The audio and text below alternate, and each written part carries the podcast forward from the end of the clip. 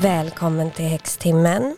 Det här är Ebba. Jag har med mig Klara i studion. Vi är i Ja. Stockholm och spelar in. Hej Ja. Klara. Hej Eva. Vi ska prata om ascendenten idag. Vi har ju kört en slags liten serie, eller vi gör en liten serie där vi går igenom alla planeter och placeringar i ens horoskop i olika tecken. Vi har kört månen och Venus och längre har vi inte kommit. Vi ska köra alla, solen, Mars och så vidare. Men idag ska vi prata om ascendenten, för det är något som jag tror att folk inte riktigt förstår. Nej, jag har ju, sa ju precis innan att jag tycker att det är lite klurigt att förstå vad ascendenten eller rising är för någonting. Ja, och vi kommer gå in på det, men först ska vi säga lite, hur mår vi? Hur mår du Klara? Vad har du på gång? Du är i Sverige, du bor ju i, som de som följer podden vet att min kompis Klara som är regelbunden deltagare i podden, Klara Wiberg heter du och du bor i Schweiz Ja. egentligen. Mm. I Zürich. Och vi brukar podda på länk. Ja, Men nu är du här alltså, på hembesök. Ja. Nej men eh, det är bra. Jag eh, mår bra. Det är jättehärligt att vara hemma i Stockholm. Det är vår. Folk är glada. Det är grönt. Det är varmt. Det är vackert. Så det känns jättefint att vara hemma eh, på besök. Och så superkul att få vara i studion också. Ja, det är kul. Klara är ju yogalärare. Mm. Och du är spirituellt engagerad i Zürich kan man säga, där du är del av en yogastudio som ägnar er åt family constellations Mm. och olika typer av Spirituella engagemang. Ja, och du går dessutom nu en astrokurs. Ja, precis. Så det har de också i min yoga-community. Och det är jättekul. Så nu har vi väl kommit kanske halvvägs, eh, lite mer än halvvägs. Och så snart ska vi börja göra practice readings. Ja, det är jättespännande. Ja. Jag har ju börjat läsa astrologi. Jag har ju varit tarotläsare länge, men sen Ja, det är bara sen typ någon månad tillbaka har jag börjat ta emot klienter för astroläsningar. Och det är otroligt spännande. Det är väldigt kul att upptäcka saker. Jag känner mig som en detektiv när jag går igenom horoskop. För att jag gör ju så att när det ska komma någon som inte jag känner och kanske aldrig har träffat ens, då kollar jag ju först på horoskopet innan de kommer. Jag får ju födelsetiden och så innan. Och jag kikar igenom det och jag liksom drar mina slutsatser och ställer frågor till eh, ute i universum, eller förbereder frågor som jag ska fråga dem. För det blir ju så här, man kan se liksom, okej något har hänt i din barndom eller något har hänt kopplat till en chef eller en modersfigur. Alltså man kan se olika sådär grejer och sen så när de kommer och vi går igenom horoskopet tillsammans, det jag gör är ju framförallt läsningar av ens födelsehoroskop och liksom tolka det och tyda det. Och ehm, då får jag ofta svar på ungefär vad det är som har hänt. Kanske inte helt exakt, men då får man säga, aha, wow, det är det det betyder. Och nu gör jag ett litet eget, oj nu, vi har två hundar i studion kanske vi ska säga, min hund Elfin som har intagit sin tysta position i den här studion faktiskt. Han är väldigt tyst alltid när man är här. Francis är inte lika studiovan. Han sitter på en stol, Francis är Klaras mops. Han sitter och han andas lite och han fnyser lite och han liksom funderar vad som sker. Ja, så det kanske kommer lite... Ja, men det är bara trevligt. Man får Ja. ta emot det med glädje. Ja.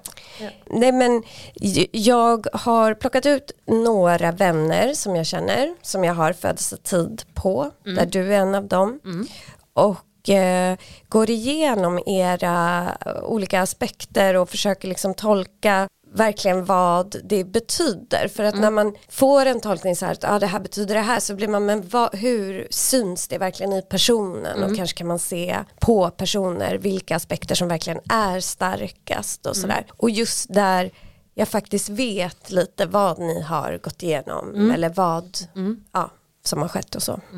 Ja men det är superspännande och för nu det är ju samma sak med alla i min kurs. Vi studerar ju först och främst våra egna chart och sen har vi även valt ut två andra chart som alla ska studera. Så dels så tittar vi på allas i kursen och sen tittar vi på deras utvalda och så diskuterar vi och så här. Och det är ju, det är ju väldigt spännande för man ser ju som du säger om det om det är några speciella grejer i chartet och så kan man också diskutera vad, vad skulle du till, till dig som har det här chartet, liksom, hur skulle du tolka det, Precis. vad är det? Och, så det är ju superintressant. Eh, jag har en fråga till dig Ebba, vad skulle du säga för det var, jag fick nämligen den frågan så här, men varför, varför ska man få sitt chart eh, läst liksom? Är det för att man ska se in i framtiden? Och då så sa jag så här, nej det är inte riktigt så jag upplever det, utan jag upplever det mer att det är ett sätt att lära känna sig själv och se vart man har potential att utvecklas, vad man kanske ska lägga lite mera tid, eller vad man ska jobba med med sig själv och så vidare för att nå sin fulla potential som, ja. som människa. Vad, vad är ditt svar på den ja, men frågan? Det är typ det jag skulle svara också. Alltså att lära känna sig själv och just se var man kanske har svagheter eller sår, alltså sådär som man behöver bearbeta. Men som du säger, upptäcka nya saker hos sig själv, nya sidor hos sig själv som man kanske någonstans vet finns där men inte har lagt så mycket tid på.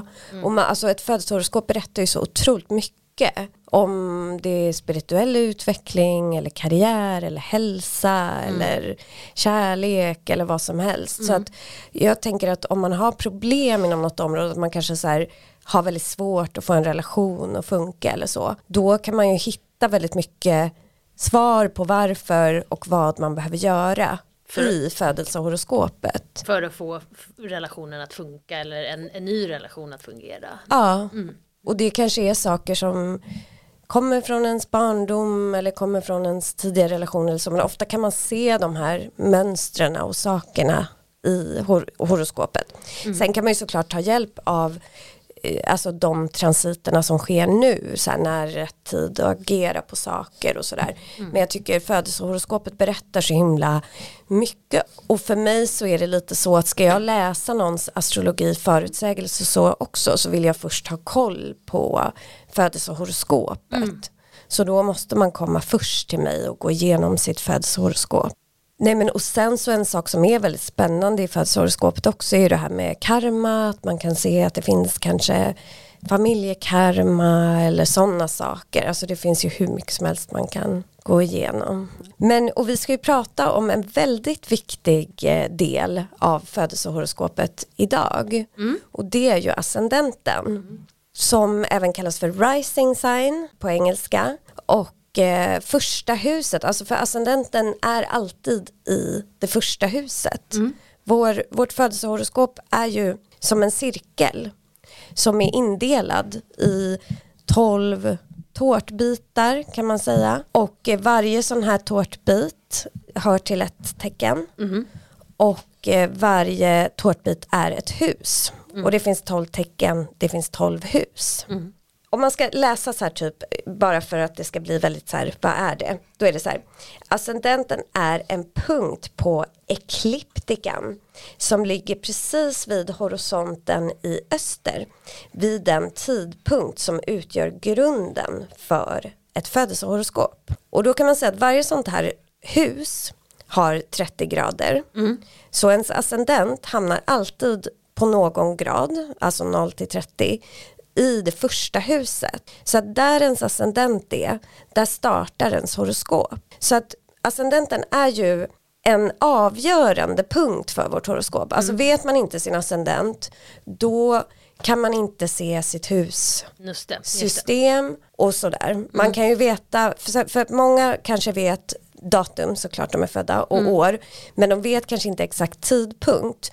och det som är problemet med det då är ju att man då inte vet sin ascendent och då kan man inte heller se var man har sina hus. Nej. Sen är det så också, vi kommer prata mer om vad ascendenten är, men du och jag till exempel är båda lejonascendent mm. och det innebär att vi har samma husplaceringar. Just det.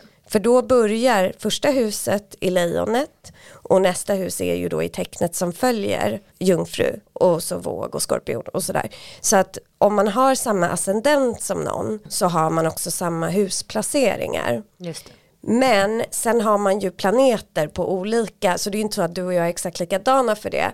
Men vi har lite liknande energi i husen, alltså i områden i livet. Mm. På grund av att vi har samma ascendent och samma Ja. husplacering. Mm. Exakt. Och det där har jag funderat lite på i och med att jag har så himla många vänner som är lejonascendent. Mm.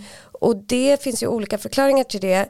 En är ju det, kanske blir lite komplicerat, men fattar man inte det här behöver man inte göra det. I och med att alla som har ascendenten i lejon har ju sin descendent, alltså det som är mitt emot ascendenten, relationshuset i vattumannen.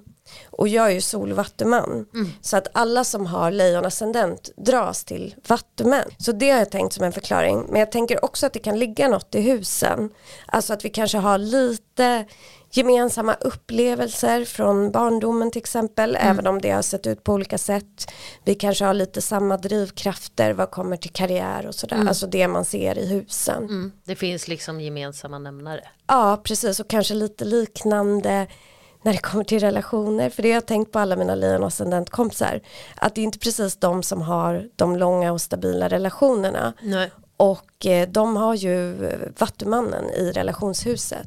Och det är ett relationshus som behöver frihet och självständighet och kanske är singel i långa perioder. Men vad är då ascendenten? Alltså vad, vad, säger, vad menar man när man säger ascendent?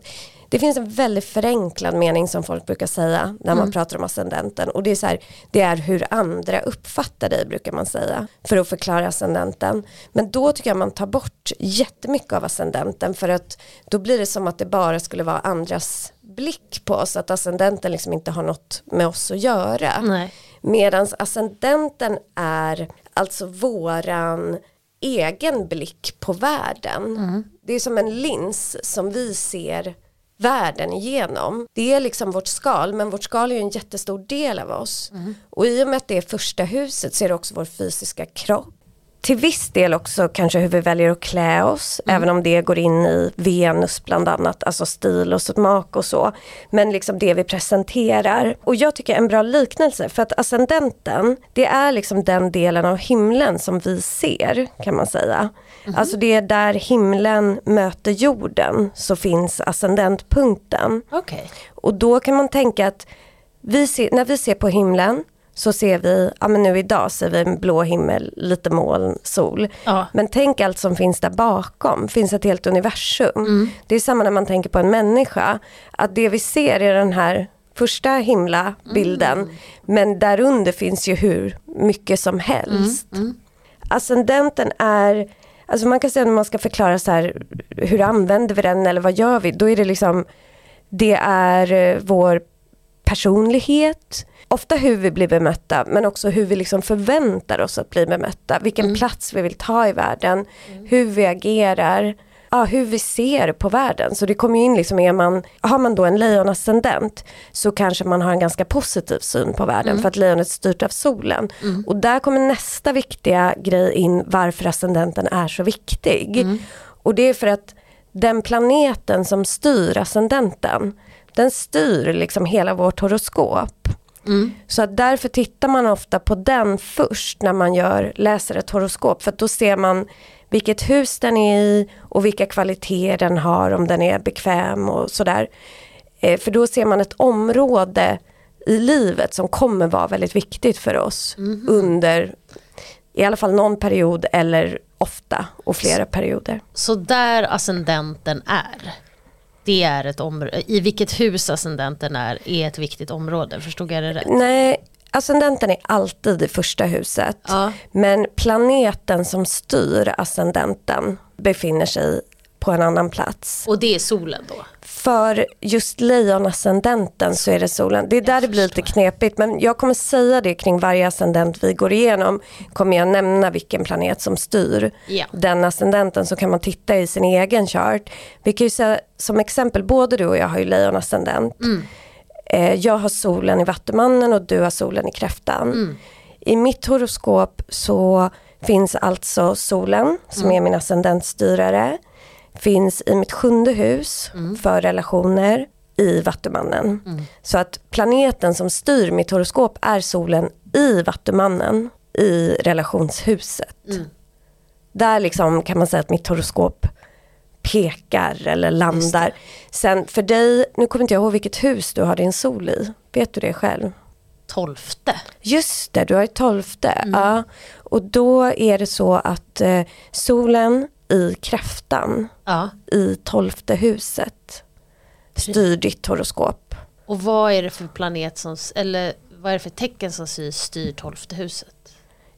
Alltså det där är lite olika om man tycker att tecken Okej. hör ihop. Men egentligen är det då fisken. Alltså Ja. sista, fisken är ju det tolfte tecknet. Mm. Men ditt tolfte hus styrs av kräftan. Mitt tolfte hus. Ja, så det är mm, Ja. emotionellt. Nu kanske det blir lite knepigt här, det kommer bli lättare när vi fortsätter. Ja. Men jag ska bara nämna en sak för att, man inte, för att det är så lätt att tro att då är det solen som styr ascendenten. Så är det inte, utan om man har jungfruascendent till exempel, Ja. då är det Merkurius som styr ens horoskop. Så då tittar man efter Merkurius. Om man är kräfta i ascendenten, då är det månen. Så då tittar man var ens måne finns. Just det, just det. Men vi kommer som sagt gå igenom alla tecken och vi kommer börja i det här avsnittet för det är så många och vi vill inte hasta igenom. Så vi kommer gå igenom de sex första tecknarna i zodiaken och vad det innebär att ha ascendenten där. Jag tänkte också en sak som jag vill säga för att det är lite synd om de som inte vet sin födelsetid. Mm. Vilket är rätt vanligt, i alla fall i en äldre generation. Jag försökte ta fram min pappas Det är ascendens, svårt. och Ja. Han vi hade ju ingen aning om det var natt eller dag när han föddes. Då ska man ha, som jag faktiskt har, eh, bra mor, eller bra, alla har bra, men noggranna mor och farföräldrar som så här antecknar sånt i sådana här Ja. eh, böcker. Det har jag. Men ja, för att jag måste berätta en lite rolig historia. Det var en nära vän till mig som är sollejon. Hon ehm, har ingen aning hennes födelsetid. Båda hennes föräldrar är demenssjuka så det är liksom totalt omöjligt att få reda på. Och hon är född 75 så det är ju ändå ett tag tillbaka. Och jag har verkligen funderat över hennes ascendent för att man kan se hennes lejonkvaliteter men det finns också något som verkligen pekar på något annat. Alltså tonar ner lejonet och är mer Ja, det finns verkligen andra delar. Och eh, jag har funderat på vad hon har för ascendent och jag har verkligen försökt få reda på det för att jag till och med kollat i så här register, jag försökte beställa hennes eh, födelseregister för det kan man ju göra. Det var det jag tänkte tipsa om. Att ni som är födda typ efter 82 tror jag det är, kan beställa ert födelseregister från sjukhuset. Och där står i, det kostar typ någon hundralapp eller så kan man ringa till sjukhuset om man vet vilket sjukhus man är född på. Men då var det i alla fall så att om man är född typ, jag kommer inte ihåg, innan 82 eller någonting.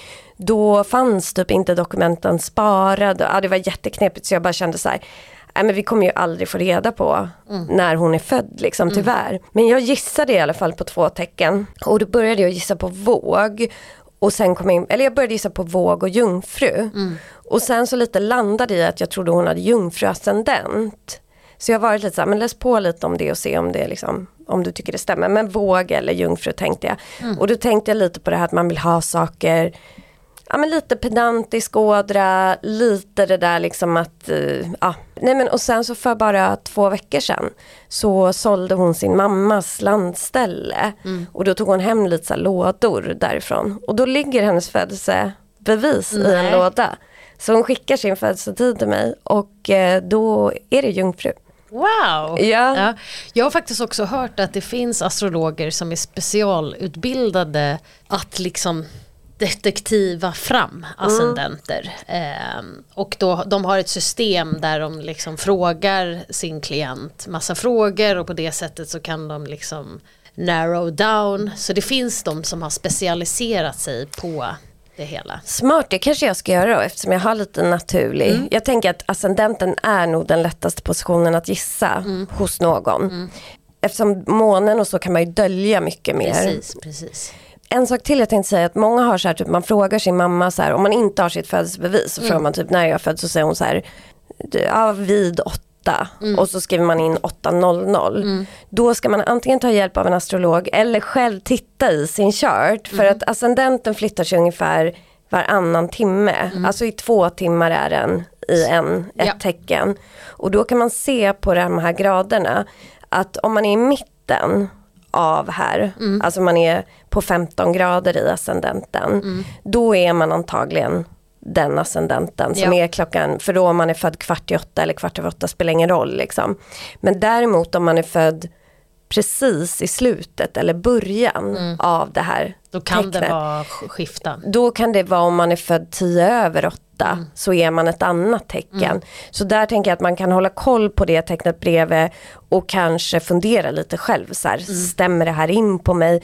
För jag tycker ascendenten är en sån position som ganska ofta är så här, aha, att många blir så här, okej då förstår jag min personlighet. När man får reda på sin ascendent. Så känner man att så här, men det här är absolut inte jag och ingen annan tycker det heller. Då kanske det är så att man har någon minut efter. Men hur som helst så representerar ju ascendenten vårt agerande och vilka vi är och hur vi ser på världen. Och hur andra ser på oss. Ja det blir ju så. Ja, Alltså men jag tänker att ehm, ja, ja, hur andra ser på oss samtidigt beror ju det på så mycket hur vi agerar. Alltså så här, ja. eh, men det blir ju någonstans eftersom det blir hur vi agerar Mm. så är det ju det som andra tar emot liksom. Mm. Ja. Alla har ju en ascendent ja. och vi ska gå igenom lite hur det är att ha den här ascendenten. Mm. Och då tänker vi att så här, antingen så, så vet man sin ascendent och då är det bara lyssna, åka med. Mm. Eller så vet man inte sin ascendent och då kan man ta reda på det eller så kan man ju lyssna och säga är det någon man känner igen sig i. ja, precis. Och vi- Det är också intressant att se om man har, vilka människor man har omkring sig. Och om man vet deras ascendenter så kan det också vara lite lättare att förstå dem. Verkligen. Vi, vi har ju delat upp det så att vi kommer prata lite jag kommer prata om eldtecken och vattentecken och du kommer prata om jord och luft. Exakt. Och så- Men jag är ju fortfarande inte riktigt expert på detta. Så Nej, jag kommer jätte- fylla i. Ja, ja. Mm. Så jag, jag, jag, ni får ha lite överseende med att jag trevar mig fram här fortfarande. ja, precis. Det tror jag alla har. Vi börjar med zodiakens första tecken. Det är ju passande. Och det är väduren. Och jag måste bara säga en sak om väduren. För att om man har väduren som ascendent, då innebär det att man har väduren i första huset. Och då har man husplaceringarna i det, hur ska jag säga det här på ett enkelt sätt, så att varje tecken hamnar i det huset som det är kopplat till. Ja. Alltså att man har oxen i hus två, det är positivt. Har man tvillingen i hus tre, det är positivt. Alltså sådär, så man får, har, har man en vädersascendent har man nog ett ganska stort flöde på många områden i livet. Man har i alla fall med sig hjälpsamma energier. Men en vädursascendent är snabb och direkt. Här får man tänka då att väduren tar över liksom skalet på den här personen. Och eh, väduren är ju ett så här impulsivt och drivande tecken. Det är ju eldens kardinaltecken, alltså eldtecknet som vill sätta igång och starta upp saker. De kan agera och göra saker utan att tänka efter. De har ofta en lite så här ungdomlig och rättframt sätt. De kan uppfattas av mer tillbakadragna tecken som lite så här påstridiga. De är ofta lite sportiga. De är ofta tävlingsinriktade. De, jag vill säga det att vi nämnde ju det att varje tecken styrs av en planet. Här är Mars styraren av tecknet. Och Mars är ju en krigarplanet. Alltså det är där vi hittar den här liksom råa energin och så här eh, ilska, ursinne, sexualitet, alltså de drivkrafterna. Så att väduren är liksom väldigt drivande. Sen kan man också tänka på att de går ofta lite så här framåtlutat. Ja, de har liksom lite framåtlutad gång så det kan man titta på om man känner någon vädursascendent. Men sen är de ofta ganska positiva, ganska glada. De har en så ganska ungdomlig skärm hela livet. De har ett hett temperament. Ja. Men de är också kortsinta så de är inte så att de går och är sura länge men de Nej. kan liksom blow up. Men det är ju generellt för eldtecknena. Ja det kan man väl säga. Och väduren kanske lite extra i och med att det är, liksom, det är så ung eld. Det är liksom, den har inte lärt sig att kontrollera Nej. sig riktigt. Nej. Men så att, ja jag vet inte vad, jag är ju inte, alltså det, det känns dumt att säga för jag tycker alla tecken är liksom spännande men väduren är ju verkligen inte mitt favorittecken. jag, jag tror jag är ett sån person som ja, som då kanske inte gillar det här när folk är lite så burdusa och så. För Okej. det känner jag att väduren kan vara liksom. Vad känner du för den här ascendenten? Nej men jag tycker nog eh, att det låter rätt kul. alltså, så här, Ja. någon som är liksom lite temperamentsfull och ganska aktiv då om de gillar eh, idrott och sen är det väl kanske inte så eh, jag jag uppfattar det som att den är lite blunt. Liksom, att Ja. eh, säger saker först som kanske kan uppfattas som lite eh, taskiga men ja, enligt den så säger den kanske bara sanningen. Nej jag har nog ingen, inget, eh, inget horn i sidan. Nej det här är någon du skulle... det här kanske är någon faktiskt du skulle tro. För du gillar ju också så här, Ja, ja men du vet så här ut på äventyr. Eller liksom exakt. nu åker vi och åker skidor och Ja. sådär. Sånt där tycker jag, jag tycker det är så jobbigt. Alltså med någon som så här, man vill bara ligga hemma en helg så bara, nu ska vi sporta. Nej men för att också är ju med den här ascendenten, för det är ju en av vä- vädurens kvaliteter är ju att man vill prova nya saker och så. Mm, Och det är såklart det blir synligt i den här ascendenten också. Att man Ja. kanske gärna vill gå någon egen väg, gärna vill Mm. prova nytt. Och lite, vilket jag tycker är konstigt, men väduren i sig som tecken vill ju gärna leda och Ja. ha ledaregenskaper. Jag ser ju den här personen som mardrömsledaren. Ja men det här tycker jag är intressant. I och med att det är kardinal så ser jag det som den perfekta startup-chefen. Ja det är det verkligen. Den sätter igång någonting och den drar igång, den, den lyssnar inte på vad andra människor säger när de säger så här, det här kommer aldrig funka. Den är övertygad om sin vision och den kör på. Men sen när företaget liksom har startat och det ska förvaltas, då tror inte jag att det är en särskilt bra chef. För Nej. att han eller hon kör slut på folk och bara ser sin vision och har svårt kanske att ta in intryck eller, eller feedback från andra. Det där var ju en sjukt bra beskrivning av den här ascendenten och kanske i vissa fall av en typ solvädur. Ja, för jag tänker att eh, eftersom eldtecken generellt är ganska bra ledare så ser jag det ungefär som att i en startup eh, så är det väduren, sen så kommer lejonet in och tar över som chef efter väduren och sen så kommer skytten, den kommer in och avvecklar. Ja, ja, ja. ja. Det är väl jättebra. Eh, Ja, Ja. För att det är så här, nej nu kan vi inte, nu måste vi gå vidare. Det, det som funkade förut funkar inte längre, vi behöver tänka om, vi behöver stänga ner och vi behöver gå vidare. Liksom.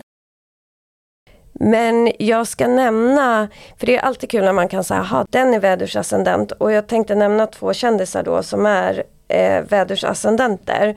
Och det är bland annat Shakira. Hon är vattuman men med vädursascendent. Hon känns ju eldig. Ja verkligen, och jag tänker också så här, hon var väl den, en av de första latinamerikanska artisterna som även bröt sig in på amerikansk mark. Ja. Alltså, så hon känns ju också ganska banbrytande och någon som gör någonting nytt. Eh, Verkligen. Så en till är Barbara Streisand och sen Heather Locklear. Amanda från Melrose Place. Japp. Hur känner du där? är det något du kunde vänta dig? Alltså jag har ingen aning om vad Heather Nej, jag vet inte Jag heller. tänker mer på Amanda. Jag bara, ja kanske men det är. Ja, Ja, nej men eh, Betty Midler också. Mhm. Hon känns ju lite eldig och sådär. Mm. Men du är ju lejon i ascendent, varför, liksom också lite eldig. Så att du Men det är inte- väldigt olika tecken. Ja. Eller väldigt olika energi. Alltså jag har inget emot eldtecken. Nej. Eh, jag gillar skytt också. Men just vädur, alltså det är inte så att jag så här hatar dem. Eh, Men jag, jag bara tycker att det, det är tecken. Jag gillar inte Mars. Jag gillar inte skorpioner heller Nej, direkt. nej. Och jag gillar inte planeten Mars särskilt mycket. Nej. Det kommer från en true eh, Mars Pisces är ju jag, alltså fisk i Mars. Och då är man inte så Förtjust i Mars. Nej, och i den här krigarådran. Sen är ju jag själv driven och sådär, det är jag ju Ja, och du medveten är ju om. en liten krigare. Alltså, Och jag har ju Aries i min midhaven. Så att eh, alltså jag gillar ju att prova nytt och alltså massa sådana grejer. Det är nog bara att jag, det som mig med väduren, det är egentligen inte så här det är inte egenskaperna om man liksom radar Nej. upp dem egentligen. Men det är lite det här, det värsta jag vet är kanske sådana typ startup-killar som bara kör på. Ja. Och eh, så gillar jag inte, det är något med, för att väduren beskrivs ju ofta så här att den tycker att den är så självklar och den har liksom ingen analys. Nej. Den bara kör, alltså den typ så här, och nu ska jag göra det här utan att veta varför. Alltså Ja. för mig så, eh, jag har mycket mer kärlek till eller respekt för när man verkligen så här kan måste- gå in i något och komma med något. Alltså Det så. måste finnas ett varför Ja, för dig. Mm. ja. och sen är det så med väduren också att jag gillar inte dem socialt. Nu är det inte alla för jag har vänner som är vädur som jag gillar men nu pratar vi ju så himla så här. Ja, generellt. Alltså ja. Eh, och eh, det att eh, jag gillar inte deras, jag gillar inte när folk frågar mig för mycket frågor, alltså är för påstridiga, Mm. Frågar för så privata frågor den typen av grejer och det tycker jag att vädur Mm. i princip alltid gör. Men då pratar jag om solvädur för jag känner faktiskt ingen vädursascendent som jag vet är det. Jag känner säkert någon men Ja. jag, jag vet inte Nej. om någon är det. Känner du någon som du vet är vädursascendent? Nej. Nej, det, jag Men tror jag aldrig tror att det, jag, jag, jag håller precis på att lära mig vad mina Mm. människor runt omkring mig är för ascendenter. Så det kan nog, om en månad så kommer jag säkert vara så här, jo men den här och den här är Jag kommer det. säkert upptäcka det också nu när jag säger så för jag har inte tänkt på det heller. Nej. Jag kanske inte har lagt det på minnet om någon har sagt att den är vädursascendent. Men i alla fall ingen av mina nära är det. Däremot känner jag många som har vädursmåne. Mm. Men det blir en lite annan grej. Jag såg att Stevie Nicks också är vädursascendent och henne gillar jag ju väldigt mycket. Så att Mm. Eh, ja det finns. Ja men ska vi gå vidare då till oxen? Ja men det gör vi. Och oxen är ju jord Japp, och är inte kardinal. det är ett fast tecken. Det är ett fast tecken. ja, Eh, fasta jordtecknet. Fasta jordteckning. Och, och eh, som jag har fattat det då, men Ebba du får flika Mm. in här. Om man har eh, oxen i sin rising eller ascendent så eh, har man ofta ganska, är man ganska viljestark och kan eh, uppfattas som viljestark. Eh, och, och lite så fierce. Men samtidigt så har man en, en mjukare sida och man gillar att njuta av livet och man gillar lite lyx. Man gillar vackra kläder, bra mat och, och liksom att unna sig. Och man kanske kan uppfast, uppfattas som lite materialistisk för att man gärna vill ha vackra saker och dyra saker. Men man jobbar också väldigt hårt så därför tycker man att man förtjänar lyx. Mm. Ja men det är väldigt jordigt eftersom det är det första jordtecknet. Ja. Alltså grejen, jag, jag ska säga om oxen, för att här är ju Venus Mm. som styr horoskopet. Venus är styraren av oxen. Så att det är precis det du nämner, så man gillar skönhet, man gillar lyx, man gillar, ja. Men jag tror att det här som är fierce som kommer in i oxen, Mm. det tror jag egentligen är det att oxen är så liksom envis och har ganska svårt att byta åsikter. Mm. Och så ganska svårt för förändringar. Mm. Alltså man vill gärna att saker ska liksom vara. Och det, där kommer oxens fasta energi Ja. in. I och med att det är då det fasta jordtecknet. Ja. Precis som lejonet är det fasta Just det. eldtecknet. Så alla som har ett fast tecken har lite svårare, Med förändring. Ja, precis. Lite envisare. envis, svårt att byta åsikter Ja. och sådär. Och sen så har jag också här att de eh, gillar att vara kreativa och jobba med händerna. Eh, att det är healing, eh, men eh, alltså de gillar att allt som har med handarbete att göra. Det kan vara allt ifrån att eh, ge massage eller laga mat eller sticka eller måla. Så. Ja, och det där är ju väldigt, för oxen är ju, i och med att vi har Venus där och vi har jorden, då blir det ju så här, Venus vill hela tiden skapa vackra saker, oxen skapar då med händerna. Och då kan man tänka vacker mat, vacker konst, allt liksom. För oxascendenten tänker att man ofta är ganska konstnärlig om man har en stark oxplacering. Och kanske har då oxen i någon av sina stora tre. Vi har ju inte nämnt stora tre idag men ascendenten är ju del av stora tre. Det man kallar det är ju ascendent, sol och måne. Och det är ju det som till största del utgör ens person. Jag har ju faktiskt oxmåne. Men, och jag har faktiskt bara fasta tecken i min stora tre. Ja, men jag har det ju lejon, vattuman och Ja. ja. oxe. Det tycker jag ändå att man kan märka. Mm. Medan du har ju lejonascendent men du har annars ganska mycket rörlig energi. Ja, jag tror att i de stora tre har jag nog en av varje. Ja det har du. Du har kräfta som är kardinal Ja. och eh, skytt som är rörlig och Exakt, lejon som, är fast. Ja. Ja. men oxascendent känner jag folk som har. Ja, vad, är, vad, är, det- vad tycker du om dem? Jo men jag tycker, för jag känner faktiskt en tjej som är solvädur med oxascendent och Ja. henne tycker jag väldigt mycket om för hon framstår väldigt mjuk. Ja. Eh, så att jag kan vända mig lite mot den här beskrivningen av oxen som fierce. Ja. Alltså, jag tror mer det att de är lite svårpåverkade. Alltså, Okej. så. Mm. För jag tycker att oxen då, om man har ett tecken som vädur, Mm. Då tycker jag att oxascendenten gör att det blir mycket mjukare och Ah, trevligare. okej. Alltså det Mm. känns välkomnande. Okej. Man kan säga att Venus liksom döljer Mars Ja, där ja, bakom. ja, jag Så det blir trevligt, alltså ja, det Mm. blir mjukare.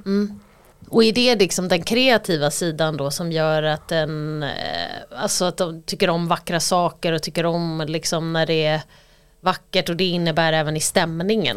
Ja i stämningen och man kan tänka oxen är ju så här omhändertagande, är trygg, liksom lugn. Man tänker på vad tecknet står för, en ko eller en oxe som liksom går och betar. Det är, ingen, det är inte den här stressen Nej. som man har då i väduren till Nej. exempel utan det är liksom lugnt och metodiskt. Och ibland kan ju en oxe framstå som, om man har mycket oxplaceringar kan man framstå som nästan lite så här lat typ. Okej, Alltså att man, är, man kanske jobbar hårt men man gör det liksom i sin egen takt. ja. Så att det, men jag tänker att hos alla jag känner, för jag känner ju väldigt många oxar ehm, kanske mer i sol och så, men hos alla oxar finns en värme och liksom en väldigt inbjudande energi. Att det är alltid trevligt att komma hem till dem och alltså, ja sådär. Och om man då, det kan vara en gateway till vilka kändisar som har eh, eh, oxen i Rising. Och då är, eh, är det Mariah Carey. Ja. Hon är också vädursol med oxascendent. Ah, Okej, så det är kanske därför hon ändå är lite liksom mera, jag, tycker ändå hon är helt okej. Ja, Alltså, verkligen. Och hon ser ju ut som typ Venus. Ja. Alltså om man tänker sig hur ser Venus ut så Ja. är det ju liksom hennes stil, ja, håret. så här kurvig, lockigt Ja. hår och väldigt så sensuell. Mm. Verkligen. För det ska man nog nämna att har man ett Venus-styrt tecken i sin ascendent Mm. så är man antagligen ganska vacker eller lägger tid i alla fall på, På det yttre. yttre. liksom. ja. Ja, då Gigi Hadid, så, Ja. hon är också oxe i, i Rising, så hon är ju ja, och det kan man ju typ se lite Ja. på hennes liksom blick Ja. och sådär. Ja. Ja. Och sen så har vi även Miley Cyrus. Ja det är ju lite svårare att förstå. Ja. Jag skulle gissa att hon är typ soltvilling eller någonting men jag vet inte vad hon är. Det kan vi kolla lite snabbt. Mm. Ja hon är skytt. Det är ju lite snarlikt um, tvillingen faktiskt måste jag ge mig själv. Hon är skyttsol och Scorpio moon. Ja, okej. Mm, ja det kan man väl tänka sig. Mm. Båda de sakerna. Ja, men ska vi gå vidare då till nästa tecken i zodiaken som är luft och tvilling. Och eftersom jag skulle ta luft och jord så kör jag igen här då. Och då har vi tvilling. Och då är man väl ganska eh, pratsam. Eh, nyfiken och eh, liksom ser livet från den ljusa sidan och är lite pigg. Ja, Man är kreativ, man har ett kreativt eh, sinne och eh, är väldigt bra på idéer och att eh, hitta på olika idéer. Ja. Men jag kan säga, lägga in här att här har vi ju då Merkurius, kommunikationens planet, Ah, är ju det. styrare av horoskopet här Ja, och av tecknet så man är då duktig kommunikativt och man gillar att prata men man är också ganska bra på att göra sig förstådd. Ja, för om det är ascendenten, liksom kommunikationens Mm. eh, tecken, då, tar ju, då blir ju liksom kommunikation en ganska stor del av ens personlighet. Ja men precis. Man är en snackepåse. Ja, snackar på sig men man, och också att man har, man kan faktiskt säga, man har liksom en intellektuell blick på världen. Mm. Om oxen som vi pratade om kanske går utifrån sina sinnen, Ja. alltså tar in saker med sinnen, så har tvillingascendenten kanske mer att man eh, liksom analyserar och tänker hur funkar det här, hur är det här och behöver förstå saker rent intellektuellt. Och sen, men, men det som är att det går ju väldigt fort för tvillingen så ibland så får, kan det vara så att den får en känsla av att eh, vara lite överväldigad av allting, av alla tankar och allting. Och eh, eh vill, vill liksom göra allting på en gång. Och eh, det, det jag också har fått fram här är att det, det är en heartbreaker Ja okej. tvillingen. För att det, den går fort vidare. Man blir lätt förälskad och sen men det drar över lika snabbt och så vill man vidare till, till det nästa. Man är hela tiden ute efter att hitta sin soulmate, sin andra tvillingsjäl. Aha, ja men och här tänker jag att det går in lite i Venusplaceringen. Ah, okej. Alltså ja. om man har tvilling i Venus. Ja. Men för att jag tänker med en tvilling-ascendent då är man ju rörligt tecken, Mm. så man är ju föränderlig. Och jag tänker att det syns i liksom alla aspekter av livet Ja. med ascendenten. Att man så här, kanske älskar att prova olika stilar, Ja. olika musik, olika mat. Man byter. Just byter inriktningar ganska ofta. Ja men och, och liksom sammanfattningsvis så uh, charmig, vältalig och eh, väldigt bra på att prata publikt. Ja det kan man ju tänka sig. Mm. För att man vill ju liksom presentera hela sig själv Mm. genom kommunikation. Så då borde man ju vara det. Har du någon tvilling ascendent som du vet? Svårt nu när jag tänker på ascendenten för att jag inser att jag liksom inte vet jättemångas ascendent. Nej. Det kanske är för att många inte vet sin. Nej men precis. Jag vet typ så här, ja, lite olika killar jag har dejtat och eh, sen så vet jag typ så mina närmsta vänner. Alltså Mm, jag har ju ganska många närmsta vänner så det kanske är 20. det är som, har ni sett i, eller du sett Klara, kollar du på New York Housewives? Nej. Det var ett stort bråk en säsong när Ramona skulle bjuda sina 70 närmaste vänner. Alla bara, du har inte 70 bästa vänner. Bara, jo det. Eh, Är det du eller? ja. Alltså jag har inte, vet inte så mycket om mina men jag vet i alla fall mina 70 närmsta vänners ascendenter. Ja men för jag har faktiskt eh, tvillingen i mitt elfte hus apropå det. Och det har du också. Och det är Mm. Ja. alltså vem man är i sociala situationer och sådär. Ja, men jag har ju väldigt mycket tvilling generellt. Ja, exakt. Eh, även om jag inte då har den i ascendenten så har jag väldigt många tvilling. Ja för jag känner ju väldigt många tvillingar Mm. men inte som jag kan komma på just nu som är ascendenten. Ja, och där är ju du en av de som har starka tvillingplaceringar. Exakt, exakt. Sen känner jag ju många, jag tror fan att min exman är tvilling ascendent. Ah. Eller om det är månen, jag minns inte. Han har, alltså någon av hans stora tre tvilling. Ja, men jag, jag, jag kan säga så här, jag är väldigt bekant med tvillingens energi. Mm. Och det, jag gillar ju den. Alltså jag gillar ju Det är bra för jag har ju mycket. Ja exakt, jo men jag gillar ju liksom det här, kom, alltså man pratar mycket, Ja. man har mycket idéer och Mm. liksom också det här lite rörliga. Även om jag är mycket fast så eh, gillar jag ju någon som är lite liksom flexibel, alltså Mm. sådär att man, ja. ehm, så att jag känner, tycker att jag känner tvillingen väl. Mm. Vad känner du kring tvillingascendenten? Känner du någon med sig? Det är svårt att komma på. Ja, jag har också svårt att komma på. Men jag har tagit fram kändisar. Ah, ja det är bra. Och, ja. Och vissa de känns ju helt klockrena. Lady Gaga. Ja det är ju verkligen kameleont. Exakt på det du sa, så här, gillar att testa olika stilar och också så här, eh, utåtriktad och, och uppträdanden och Ja, allting. men för det var faktiskt en grej jag kom på om tvillingascendenten. Det är ju verkligen en kameleont. Ja. Alltså någon som byter Ja. och det gör ju hon. Ja.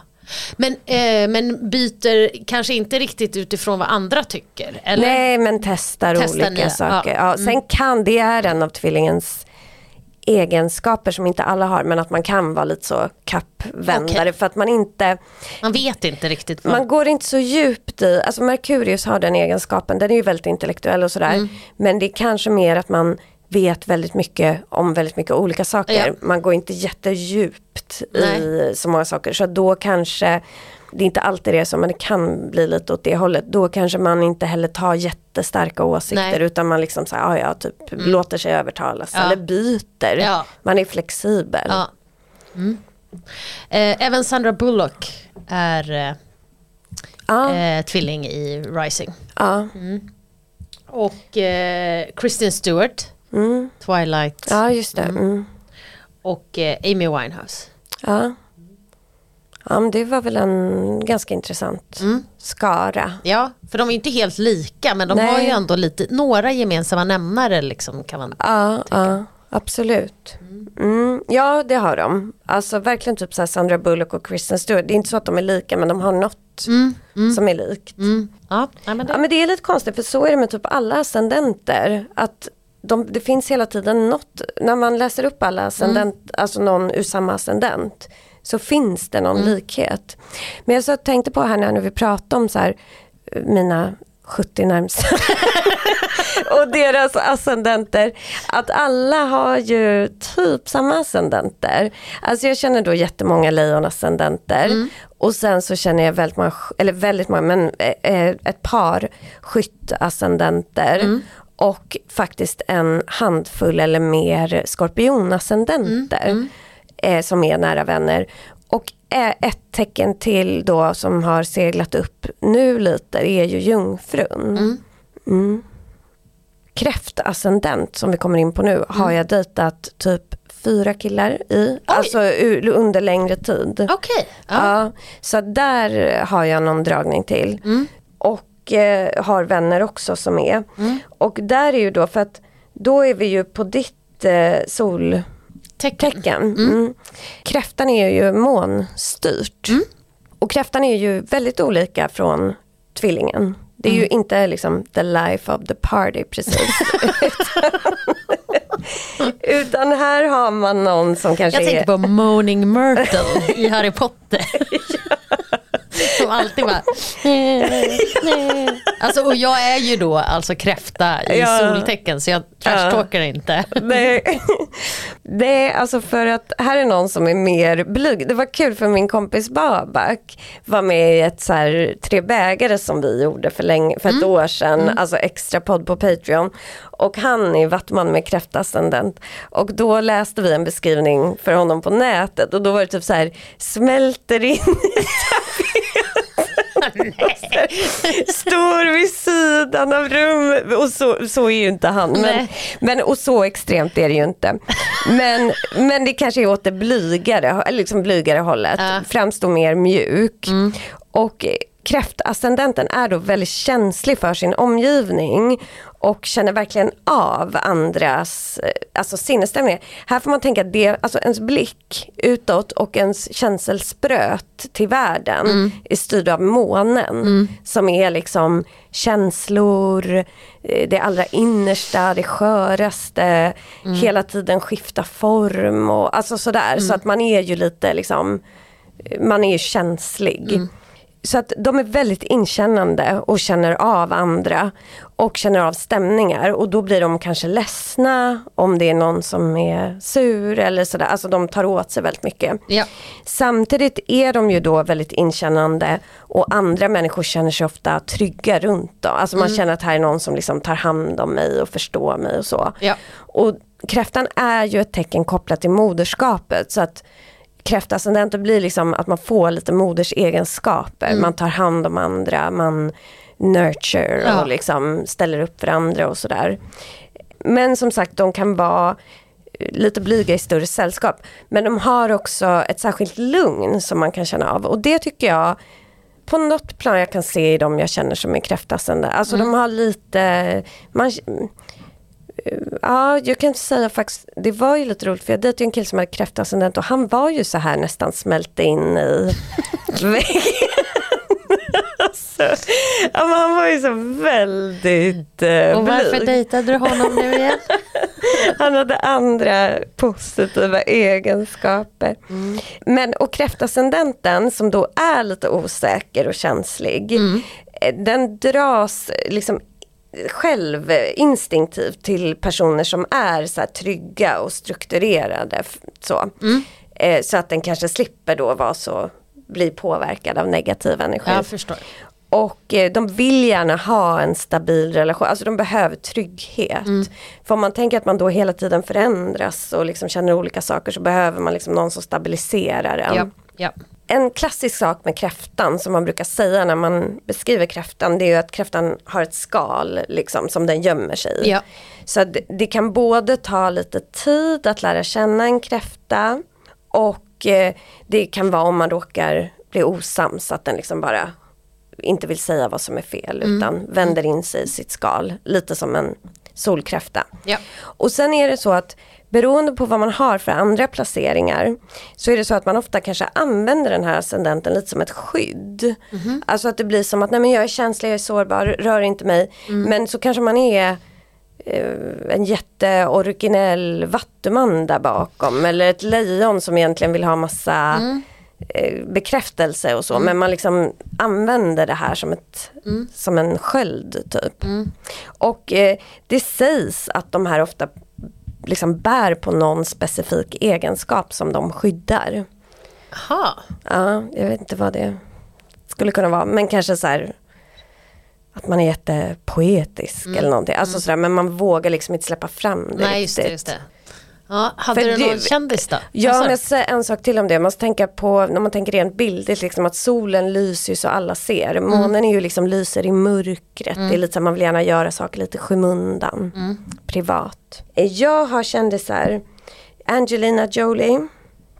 Och här så stämmer ju hon inte in på kanske den här beskrivningen. Nej. Alltså hon verkar ju inte blyg och så. Men då kan man se en annan sak i kräftan som jag nämnde, det här modersgrejen.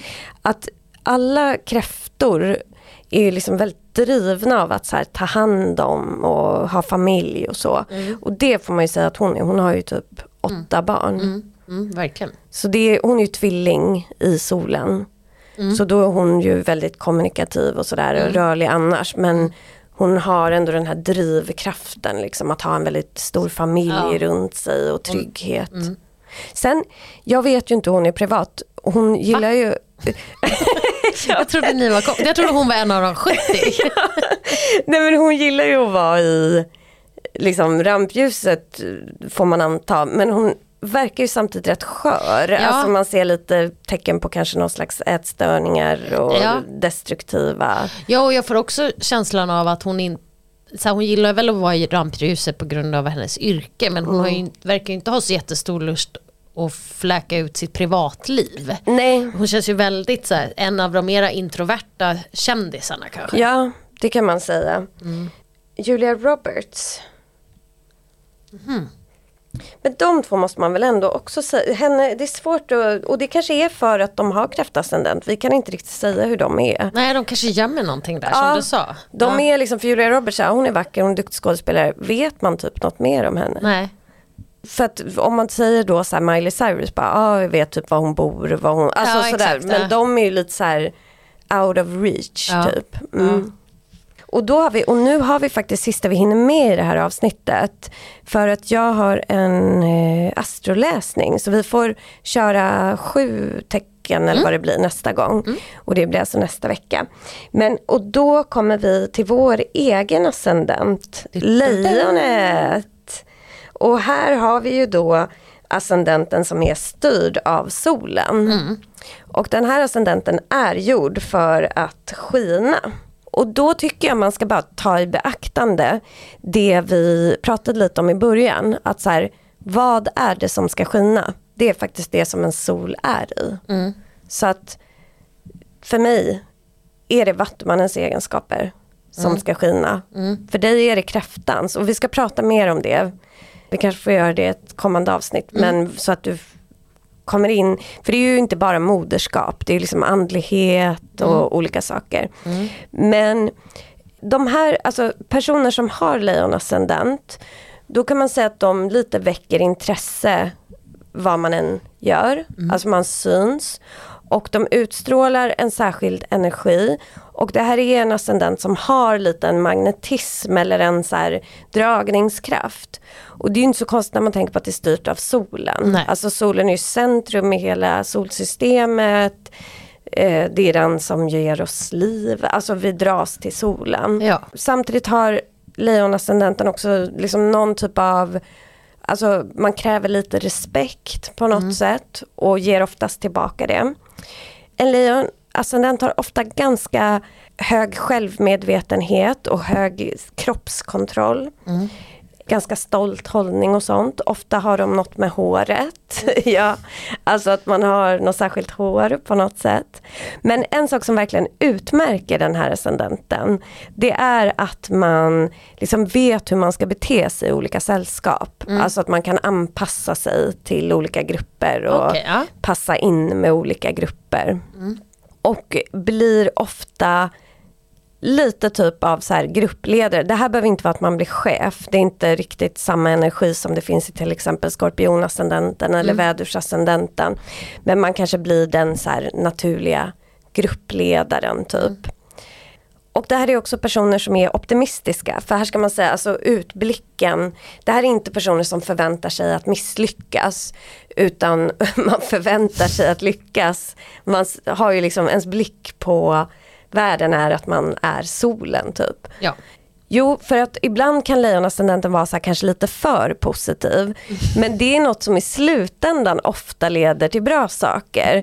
För man kanske är så här, ah, jag ska göra det här och det här och så kanske inte allt funkar men det funkar ändå till viss del. Eller så här, man får hjälp att eh, genomföra något av det och sådär. Så att det är inte en positivitet som skadar en riktigt. För den är inte naiv. Inte riktigt. Nej. Nej. Ehm, de är ofta lite barnsliga, ganska varma, skrattar mycket. Ja, man får tänka på solen lite. Liksom glada och varma. Och lite så här ungdomliga hela livet. Så barn på insidan, även om man blir äldre. Ja. Men och eh, här har vi liksom en hel drös med kändisar. Vi har Tina Turner, Marilyn Monroe, Nancy Sinatra, Selena Gomez, Reese Witherspoon, Glenn Close. Ja. Vi har liksom riktiga superstars. Ja. Det är intressant för man, om man tittar till exempel på Reese Witherspoon kontra Angelina Jolie så, så kan man ju verkligen se Skillnad. Ja. skillnaderna. De, de är fortfarande framgångsrika, extroverta personer men de har ju helt olika energier. Verkligen. Ja. Och jag, tror, jag tänker att lejonascendenten ger lite någon så här stjärnglans. Det är ju ganska typiskt att så Marilyn Monroe är lejonascendent. Men sen, nu sa jag mest positiva saker. Det finns ju lite mer negativa saker och det kanske kan vara lite så här arrogans, lite Mm. sådana saker som man får vara lite uppmärksam på då. Mm. Eh, och det är ju de egenskaperna som kommer med lejonet. Sen finns det väl någon drivkraft att vara i rampljuset men jag tror inte den är lika stark som den är hos ett sollejon. Nej. Utan snarare kanske att man då, som jag har sagt ett par gånger, liksom använder lejonens egenskaper Mm. för att få fram det man vill. Hur, hur känner du kring lejonascendenten? Eh, Men jag gillar ju lejonascendenten. Jag tycker liksom eh, det, det finns ju jättemycket, alla tecken har ju både ljusa och mörka sidor så det finns ju absolut saker man måste vakta där. Men eh, jag tycker att det är roligt när saker är glatt. Så, Ja, eller hur? så det är ju härligt. Ja, ja. Och jag tycker, och jag gillar det här att man, jag tror att man, ja, jag hoppas att man har fördel av att se saker från den ljusa sidan. Om, in, om inget annat så tror jag att man vågar mera saker för man inte fattar hur jävla jobbigt det kommer vara. Ja men eller hur. Ja. Alltså jag känner mig, eh, jag känner mig glad att jag har min lejonascendent. Ja. Jag tror att den gör att det liksom händer roliga saker i ens liv och sådär. Ja. Och just att man har lite ja, men positivitet. Ja. Nu måste vi sluta för nu börjar min läsning. ja, Men det här var ju kul. ja, var jättekul. Apropå positivitet. Ja, och vi kanske kommer fortsätta prata lite om lejonascendenten i nästa avsnitt. Ja. För det blev lite cut short. Ja, plockar upp den Ja, så vi plockar upp den. För där har jag lite saker att säga just för att jag känner så många som har Mm. den och att vi båda själva har den. Så vi fortsätter med den. Exakt, får vi veta mer om vad vi egentligen tycker om den i nästa avsnitt. Och så fortsätter vi med Jungfru, Våg, Scorpio, Skytt, Stenbock, Vattuman och Pisces. Woo! Woohoo! Hörs nästa vecka, ta hand om er. Hej då! Hej då!